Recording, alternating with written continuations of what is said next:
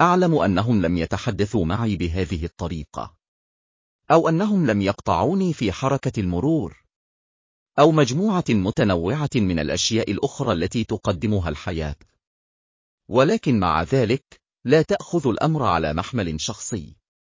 هل فكرت يوما في عدد الأشخاص الذين لا يرون يوما آخر أو يفقدون حريتهم في أخذ الأمور على محمل شخصي؟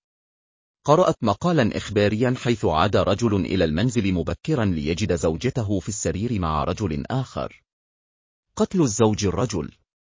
ثم جاءت زوجته إلى المحكمة مع رجل آخر أثناء المحاكمة. أعلم أن بعضكم سيقول لقد جعلني أفعل ذلك. علامة اقتباس ولقد جعلتني أفعل ذلك.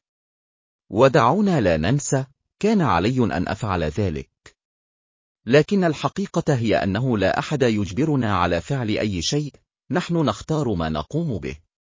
إذا اتخذنا خيارات في خضم هذه اللحظة فسوف نندم على اختياراتنا. لا أعتقد أنني كنت سعيدا أبدا بقرار رجعي. بصراحة لقد كنت في حالة من الفوضى بسبب القرارات المتسرعة والمبنية على العاطفة. عادة ما يكون لشدة التفاعل بعض التضخيم الأساسي. هل هناك أي شيء أسوأ من التأخر عن العمل؟ ومن ثم عدم تجاوز إشارة المرور لأن الشخص الذي أمامك كان يرسل رسائل نصية ولم يرى الضوء يتحول إلى اللون الأخضر. يمكننا أن نكتب سلسلة كاملة عن التجارب الشخصية. كما نر، لا يمكننا تجنب هذه المواقف من الآخرين إلا إذا توجهنا إلى مكان مجهول. ثم قد يكون حيوانا بريا يعتبرنا وجبته التالية، لذا فإن التهديد لا ينتهي أبدا. تحدث بعض الأشياء، وهو ما يقودنا إلى نقطتي الرئيسية. لا تأخذ الأمر على محمل شخصي. هناك الملايين من القصص مع قصصها الخاصة المتفاعلة باستمرار. وعندما تتقاطع قصتنا أو تصطدم بقصة شخص آخر، فمن الممكن أن تكون لا شيء أو كل شيء. في بعض الأحيان نحتاج أن ندرك أننا غالبا ما نكون مهندسي النتائج. معظمنا لا يستيقظ في الصباح متوقعا أن يمر بيوم رهيب.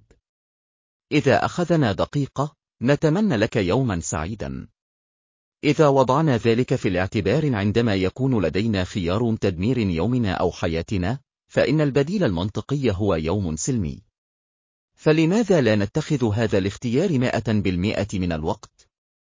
اسمحوا لي أن أقدم لكم صديقي أستخدم مصطلح صديق بشكل فضفاض. الفاعل الضر هو الكبرياء والأنا المدمرة بنفس القدر. وهذان التأثيران مسؤولان عن وفاة ملايين الأشخاص. لقد حرض الكبرياء الأمم والجماعات والأسر والأفراد ضد بعضهم البعض حتى الموت في كثير من الأحيان. بينما نقترب من مصيرنا المأساوي يجلس الكبرياء والأنا في الحانة يشربون ويخططون لموت ضحيتهم التالية. أنا لا أقترح أن نتحرك. أو حاول محاربة هذه الجرائم المتصورة حتى نفجر الحشية. وأنا أقترح العكس تماما. لا تأخذ الأمر على محمل شخصي. كل شخص لديه قصته.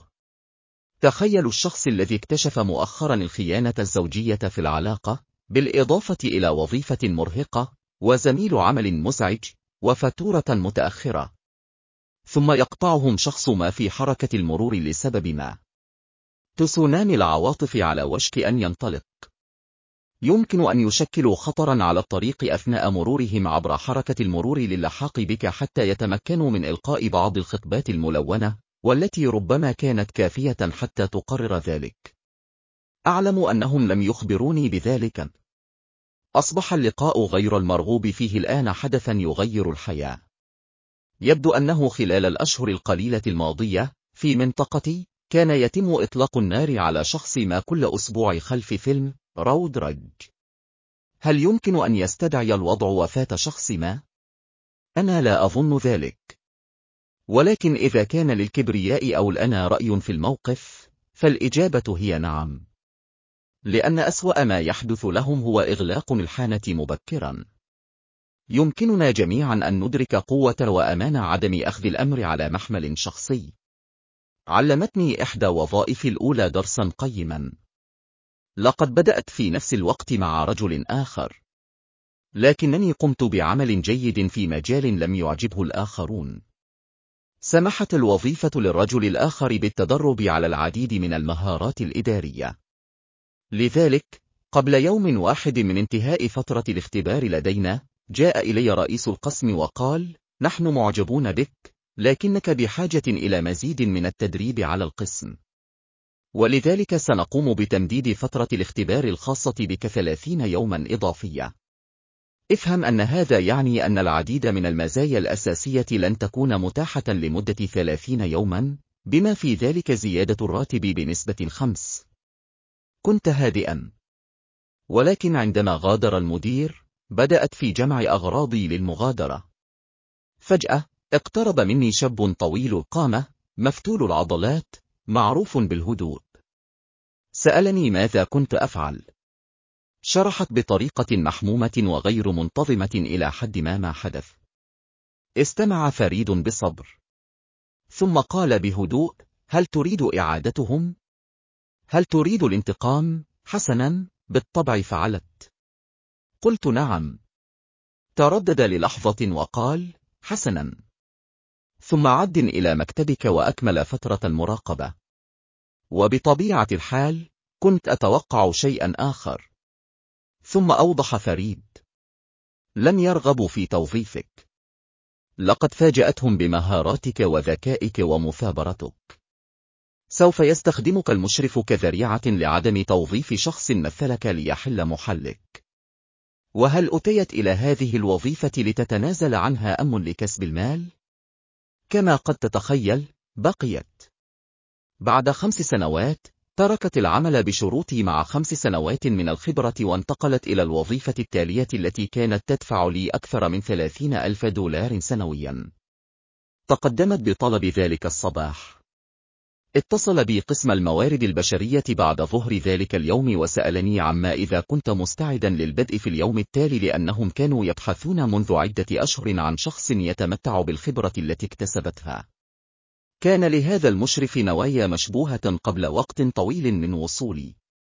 وسمعت أنه طرد بسبب اختلاس أموال الشركة من خلال فتيات مكالمات. لا تدع المشاكل العقلية للآخرين تصبح سببا في سقوطك. أعلم أن الناس يتحدثون عن أشياء كثيرة. لكني أعتاد على نقل المعلومات التي أعرف أنها صحيحة. إن فن عدم أخذ الأمر على محمل شخصي سوف يخدمك جيدا. لذلك يا أصدقائي نراكم في المرة القادمة. لا تنس أن تحب نفسك أنت لست وحدك. أنت ذات صلة وجديرة. وهذا